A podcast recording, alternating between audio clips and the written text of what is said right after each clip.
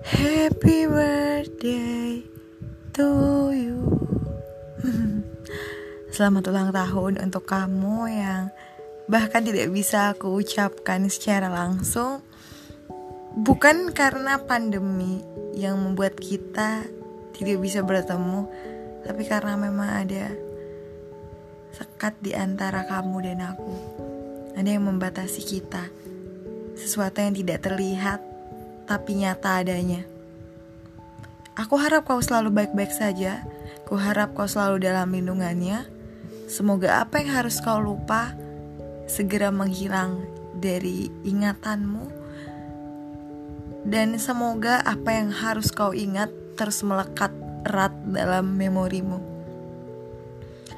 Sejak dulu aku memendam perasaan ini, jadi mungkin untuk sekadar untuk mengucapkan ulang tahun kepadamu aku pun harus memendamnya. Tapi kali ini aku tidak akan memendamnya sendiri. Uh, biarkan kamu dengar jika memang suatu saat pesan ini sampai ke kamu. Kalaupun kamu tahu juga ini untuk kamu. Um, sekali lagi selamat ulang tahun. Aku tidak punya kado terbaik selain memberikan kamu doa yang akan diaminkan oleh banyak manusia yang mendengarkan. Selamat ulang tahun.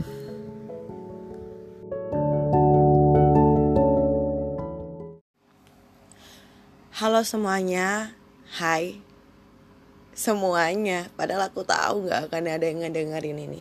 Tapi kalaupun suatu saat ada yang dengerin ini, uh, aku mau ngasih tahu kalau uh, aku lagi dalam posisi yang ngerasa kayak aku itu lagi nggak tahu aku kenapa.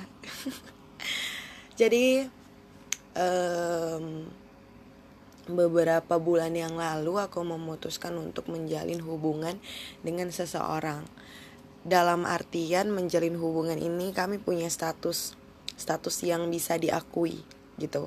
Karena memang sebenarnya aku selalu punya hubungan sama uh, cowok gitu sama laki-laki sama pria. Tapi aku selalu menolak untuk membuat yang namanya status misalnya pacaran. Aku juga nggak bilang uh, kita komitmenan karena menurutku uh, komitmen itu hanya sebuah ucapan yang dilontarkan oleh seseorang atau kedua orang, kedua belah pihak ketika ingin menjalin hubungan, ketika ingin meyakinkan satu sama lain. Jadi, hmm, komitmen itu bagiku uh, bukan berarti aku menyalahkan komitmen bukan, tapi karena bagiku komitmen itu adalah sebuah adalah sesuatu yang sangat sakral. Jadi, kalau cuman untuk uh, menenangkan perasaan sesaat atau sementara lebih baik nggak perlu diucapkan. Gitu karena uh, komitmen yang sebenarnya adalah perlakuan uh, kemudian bertahan. Ya namanya juga komit komitmen. Beberapa bulan yang lalu aku memutuskan untuk menjalin hubungan dengan seseorang um, dan pastinya siapa pun tahu ya kalau kayak awal-awal gitu pasti kayak bahagia bahagia gitu ya. Merasa bersyukur merasa merasa bangga. Tapi akhir-akhir ini aku merasa kayak um, kok aku banyak jengkelnya sih gitu loh. Kok kayaknya mood aku lebih sering gak stabil sih gitu. Kayak apa ya? Um, dia keluar sama mantannya. Aku nggak suka ini aku kesel ini aku marah marah-marah ke dia. Tapi dia udah izinin aku marah-marah. Karena emang aku jarang jarang ngungkapin perasaanku dengan emosional yang tinggi. Jarang aku ngungkapin ngeluarin emosiku. Jarang aku memperlihatkan emosi negatifku ke dia. Gitu aku selalu berusaha untuk uh, I'm fine gitu. Meskipun sebenarnya aku nggak sefine itu tapi ya gitu. Tapi uh, karena kaman udah keterlaluan banget akhirnya aku ngungkapin perasaanku aku bilang aku nggak suka aku bilang aku juga manusia yang normal punya delapan emosi aku bisa marah aku bisa takut jengkel. Terus aku juga bisa senang dan bahagia bukan cuman uh, apa ya sesu bukan cuman hal-hal baik yang ada di diriku gitu. Jangan karena uh, kamu bersembunyi dari dari aku yang menurut pengertian perhatian akhirnya kamu bisa seenaknya ngelakuin sesuatu di belakangku enggak gitu. Seharusnya ketika kamu mendapatkan sesuatu yang baik ketika kamu diperlakukan atau di like a king seharusnya kamu bisa bangga dan uh, memperlakukan pasanganmu like a queen gitu loh. Ya kan bukan seharusnya justru kayak ya dia lo baik dia pengertian ya udahlah paling juga ntar aku kalau minta maaf pasti masalahnya udah selesai. Enggak. Ya namanya kamu jadi orang yang nggak tahu diri jadi orang yang nggak paham akan situasi jadi orang yang ketika kamu diberikan sebuah kebaikan kamu tidak membalasnya dengan kebaikan tapi dengan kebangsatan men. Jadi apa ya tapi gini ketika aku merasa kayak kok pacaran itu bukannya jadi sesuatu yang membahagiakan tapi jadi sesuatu yang menjengkelkan, mendongkolkan, mengesalkan. Tapi lagi-lagi aku mikir kayak gini, ya pacaran gak pacaran aku selalu aku juga seseorang yang membutuhkan yang namanya cinta gitu ya kan uh, aku juga akan merasakan hal yang sama ketika aku menyukai seseorang yang bahkan tidak menyukaiku dan pasti rasanya akan lebih nyesek lagi. Karena kalau kita misalnya cemburu sama orang yang kita nggak punya hubungan apa apa itu rasanya lebih nyesek lagi gitu dan kita mau marah tuh nggak bisa. Tapi kalau misalnya dengan kita punya uh, hubungan yang yang jelas punya status yang jelas ya rasa-rasa cemburu emosional negatif itu bisa kita salurkan ke dia gitu. Kita bisa marah kita bisa ngomong kita nggak suka gitu ya kan. Uh, atau mungkin ketika kita hmm, me, apa ya kayak yang tadi komitmen komitmen abal-abal itu nggak punya hubungan nggak punya status. Emangnya hubungannya ada tapi statusnya nggak jelas. Tet, apa ya HTS ya hubungan tanpa status itu juga sesuatu yang menjengkelkan. Ya tahu-tahu kamu menjaga perasaan ternyata dia main perasaan sama yang lain. Ya enggak sih? Itu sangat menjengkelkan. Tapi um, gimana ya? Sebenarnya perasaan-perasaan itu kita sih seharusnya yang aku paham aku paham bahwa perasaan itu ya seharusnya kita yang mengelola. Kita yang mengendalikan tapi ada beberapa orang yang tidak tahu diri. De, seenaknya aja mentang-mentang perasaan itu bukan dia yang uh, bertanggung jawab, dia jadi seenaknya gitu. Padahal seharusnya dia paham, di perbuatannya seperti ini itu akan melukai per perasaan orang lain. Iya gak sih? Ya iyalah.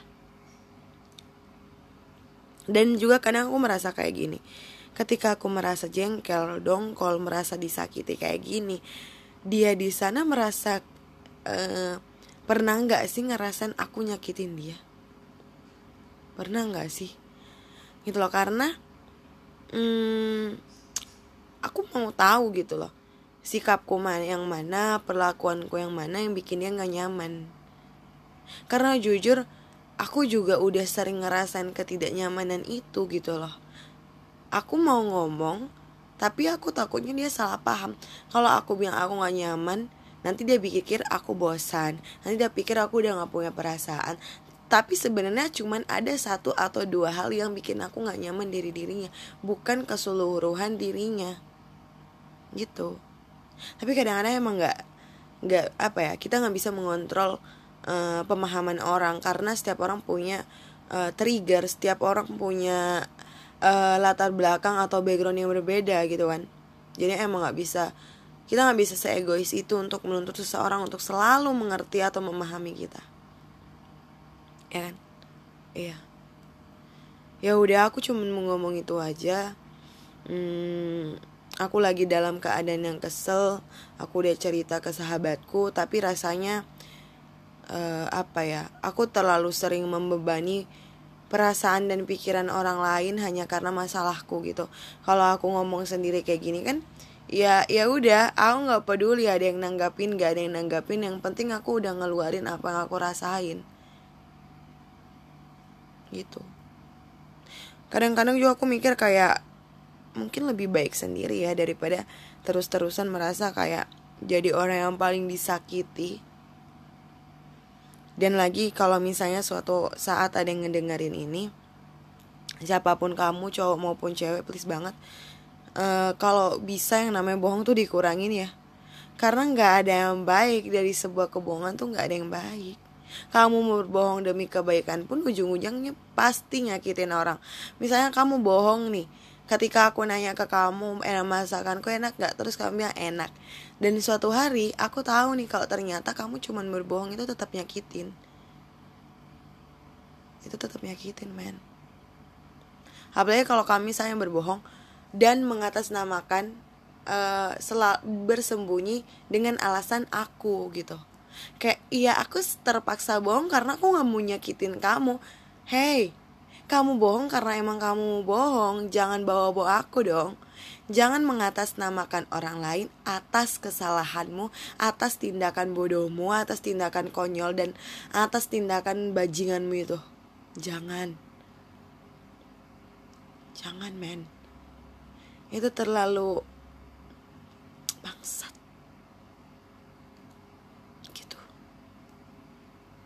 ya udah pokoknya uh, semoga aja suatu saat aku bakal cerita sesuatu yang lebih bermanfaat lebih positif. Bye. Sehat-sehat terus. Perihal kehilangan. Coba dipikirkan lagi. Dia yang hilang atau kamu yang memang gak pernah benar-benar memiliki dia? Dalam hubungan antara dua orang, teman, sahabat, adik kakaan, pacar, atau apa pun lah istilahnya. Kita nggak bisa menuntut agar mereka selalu hadir dalam kehidupan kita. Karena mau sedekat dan seakrab apa pun kamu sama dia, ya kalian tetap dua orang yang berbeda. Dia milik dirinya, kamu pun begitu. Kamu ya miliknya kamu. Kamu dan dia punya kehidupan sendiri. Dia punya rencana untuk dirinya, kamu pun harus begitu. Jadi kamu gak bisa egois dengan apa pun pilihannya nanti. Dia mau tinggal atau justru meninggalkan, ya itu keputusannya. Kamu gak boleh jadi penghalang atas pertimbangan yang sudah dia pikirkan apalagi menjadikan dirimu sebagai alasan agar dia tetap tinggal. Kehidupan harus tetap berjalan sesuai dengan list-list keberangkatan yang ingin kamu singgahi. Kamu gak boleh berhenti hanya karena satu orang yang bahkan gak mau berjuang bareng sama kamu. Untuk apa mengemis? Toh sebelum ada dia kamu baik-baik aja. Jatuh cinta sewajarnya. Itu kalimat sederhana yang dalam maknanya. Sakit boleh, tapi jangan mati hanya karena hati yang gak ikhlas memberi penerimaan. Coba sebut itu dalam-dalam. Segala sesuatu akan baik-baik aja kalau kita bisa menerima apa pun hasilnya, bagaimanapun prosesnya, dan seperti apa caranya, terima aja. Kamu harus sembuh dari sakit yang sebenarnya nggak parah. Kamu harus menemukan obat sebagai penawar racun yang sudah lama mengalir di perasaanmu. Jangan sampai sesuatu yang kamu sebut sebagai cinta menjadikanmu sosok yang lemah, lupa dengan tujuan awalmu bertahan. Assalamualaikum warahmatullahi wabarakatuh. Halo hai Sobat Liga, apa kabar kamu? Aku harap kamu sedang dalam keadaan yang baik-baik saja. Kalau sedang kurang baik, semoga lekas membaik ya.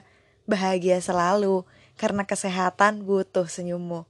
Oh ya, aku Nur Aiza, mahasiswa semester 5 Prodi Pendidikan Bahasa dan Sastra Indonesia, Fakultas Keguruan dan Ilmu Pendidikan, Universitas Mula Warman pastinya. Raih prestasi dengan karya baru yang inspiratif. Yaps, itu tema podcast yang akan kamu dengarkan. Maksudnya gimana tuh? Oke, menurut para ahli, seseorang yang kreatif bukanlah selalu menemukan hal baru. Namun, ia selalu melihat segala sesuatu dengan cara berbeda dan baru yang biasanya tidak dilihat oleh orang lain. Orang yang kreatif pada umumnya mengetahui permasalahan dengan sangat baik dan disiplin, biasanya dapat melakukan sesuatu yang berbeda dari cara-cara yang biasa. Proses kreativitas melibatkan adanya ide-ide baru, bermanfaat, ya meskipun kadang tidak dapat diimplementasikan. Namun, karena kita membicarakan karya, artinya harus ada sesuatu yang dapat dilihat wujudnya, barulah dikatakan sebagai karya. Dan karya tersebutlah yang nantinya menjadi inspirasi bagi penikmatnya. Tapi kan di masa seperti ini wadah untuk berkreativitas terbatas. Bagaimana mau meraih prestasi apalagi membuat karya? Eits, justru di tengah keadaan yang semakin pelik ini, secara tidak langsung kita dituntut untuk menciptakan inovasi-inovasi baru, menyesuaikan diri dengan situasi, dan pastinya tetap menjadi mahasiswa yang berprestasi. Hmm, caranya? Oke, pertama, Sobat Liga dapat menciptakan sesuatu yang belum pernah ada menjadi ada. Artinya, segala ide yang selama ini hanya mendekam di kepala, sudah saatnya kita keluarkan menjadi sebuah karya. Misalnya nih ya, Sobat Liga selama ini punya ide mau buat tulisan dengan judul yang unik atau menciptakan sebuah lagu dengan lirik yang bertema tidak, tidak biasa gitu ya. Nah, selanjutnya menyampaikan ide kreatif agar kreativitas tersebut dapat diketahui oleh orang lain. Yaps, ini penting Sobat Liga, bukan mau masuk ria atau sombong, tapi untuk menjadi seseorang yang inspiratif, sebelumnya kita harus bisa menunjukkan hal-hal yang nyata terlebih dahulu, dengan menciptakan sebuah kreasi yang jika digunakan orang lain, manfaatnya dapat dirasakan serta membuatnya menjadi kreatif. Misalnya nih, Liga F Cup 2021. Hasil diskusi dari berbagai pihak menjadi inspirasi bagi kita para peserta untuk menciptakan sebuah karya. Inovasi baru yang berarti menciptakan kreativitas-kreativitas atau inovasi baru. Nah, itu hal-hal yang semoga dapat membantu kamu dan aku untuk menjadi inspiratif dan meraih prestasi dengan karya baru. Jangan lelah untuk terus menggali potensi dirimu, karena bisa jadi satu karyamu dapat menginspirasi dan menjadi alasan seseorang untuk membangkitkan semangat kreativitasnya. Masih banyak hal yang ingin saya sampaikan sebenarnya, namun kita lanjutkan pada temu dengan secangkir kopi latte di kedai nanti ya jika ada kesempatan. Segala kesalahanku selama Sobat Liga mendengarkan podcast ini semoga bisa dimaafkan ya. Sebagai gantinya, kukirimkan ribuan terima kasih untukmu yang sudah bersedia mendengarkan podcast ini hingga akhir. Terima kasih untuk Liga FKIP 2021 atas wadah yang diberikan kepada kami untuk tetap produktif di tengah pandemi yang semakin ramai. Jangan bosan memberikan ruang karya untuk para mahasiswa ya, karena ide butuh tempat untuk tercipta. Saya Nur Aizah menitip harap temu untukmu. Semoga waktu mempertemukan kamu dan aku. Sampai jumpa dan Assalamualaikum warahmatullahi wabarakatuh.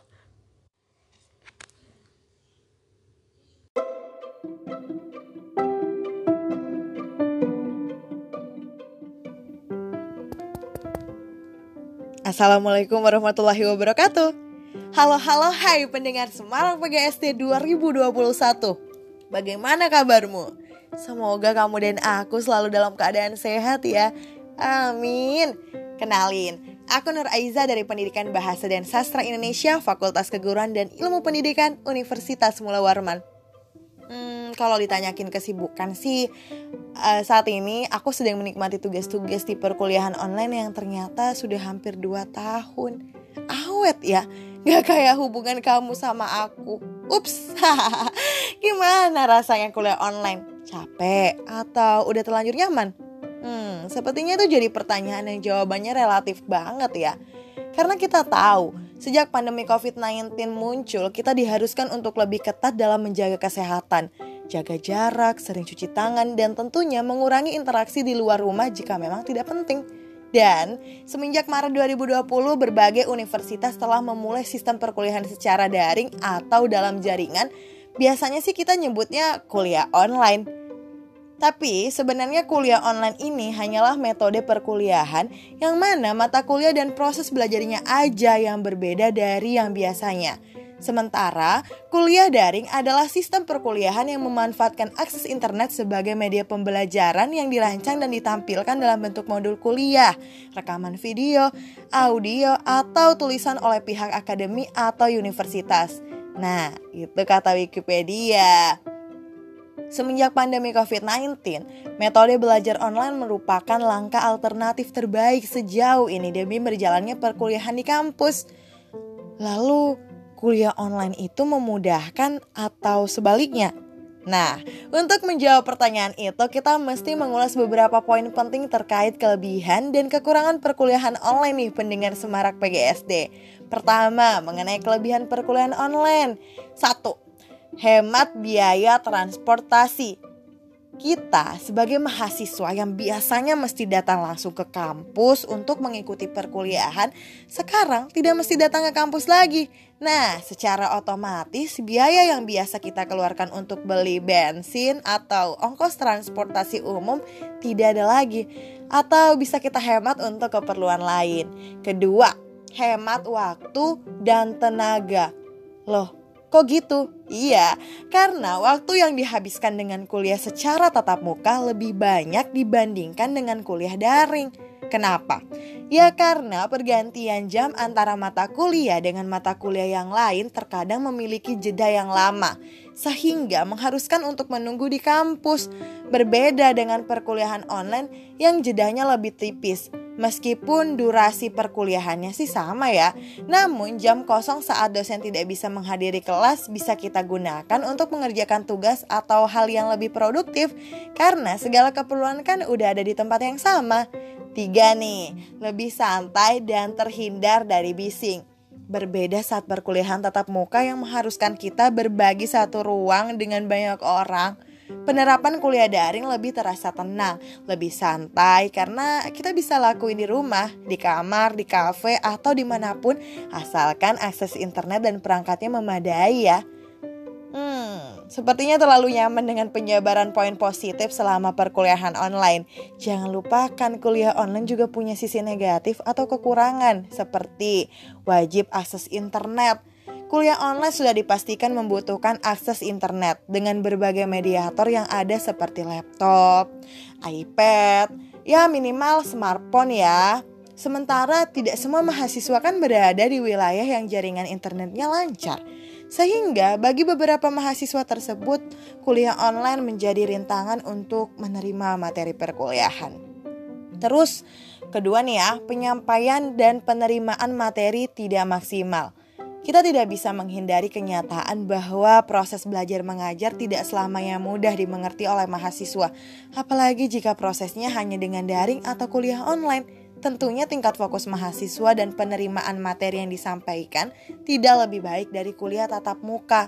Karena dengan tatap muka secara langsung, kita bisa bebas berinteraksi dengan dosen dan ruang diskusi lebih luas dibanding kuliah online seperti sekarang yang dibatasi oleh layar dan fitur-fitur perangkat seperti harus mematikan mic saat pemberian materi berlangsung dan harus segera menyalakannya saat ingin menanggapi dosen. Berikutnya, keterbatasan dalam praktik dan tanya jawab. Untuk mata kuliah teori memang tidak akan terlalu bermasalah sih ya jika dihadapkan dengan kuliah online. Tapi untuk mata kuliah praktik Mata kuliah online tidaklah menjadi solusi akan hal ini dan dampak dari keadaan seperti itu pengetahuan dan pemahaman kita sebagai mahasiswa tentang materi kuliah menjadi tidak maksimal. Nah, seperti itu penjabaran mengenai poin-poin penting selama perkuliahan online. Kembali lagi ke pertanyaan utamanya. Jadi, kuliah online saat pandemi memudahkan atau sebaliknya? Hmm, menurut pendengar Semarak PGSD gimana nih? Mudah atau justru sebaliknya? Sepertinya yang sudah saya katakan sebelumnya ya, itu adalah pertanyaan yang memiliki jawaban relatif. Siapa pun akan merasa kuliah online saat pandemi merupakan strategi yang memudahkan jika mahasiswa tersebut sudah nyaman dan mampu menyesuaikan diri dengan baik. Sementara bagi mahasiswa yang terbiasa dengan tatap muka dan kurang mampu beradaptasi dengan keadaan serba online seperti ini, maka kuliah online akan dianggap menyulitkan. Nah, kamu tim yang mana nih? Di mana pun kamu, yang terpenting sekarang adalah bagaimana caranya bertahan dalam keadaan seperti saat ini dengan terus berupaya mencari solusi agar menemukan cara agar bisa kembali berkuliah tatap muka. Sepertinya udah cukup ya. Aku harus pamit. Terima kasih pendengar Semarang PGSD sudah mendengarkan podcast ini hingga akhir. Maafkan jika yang kukatakan ternyata terdapat kekeliruan ya. Tak bisa ku beri kamu hadiah berbungkus pita merah, maka ucapan terima kasih beribu-ribu kukirimkan padamu. Semoga ada ruang dan waktu yang mengizinkan kita bertemu ya. Aku Nur Aiza sekali lagi mengucap maaf dan terima kasih. Assalamualaikum warahmatullahi wabarakatuh. Dadah.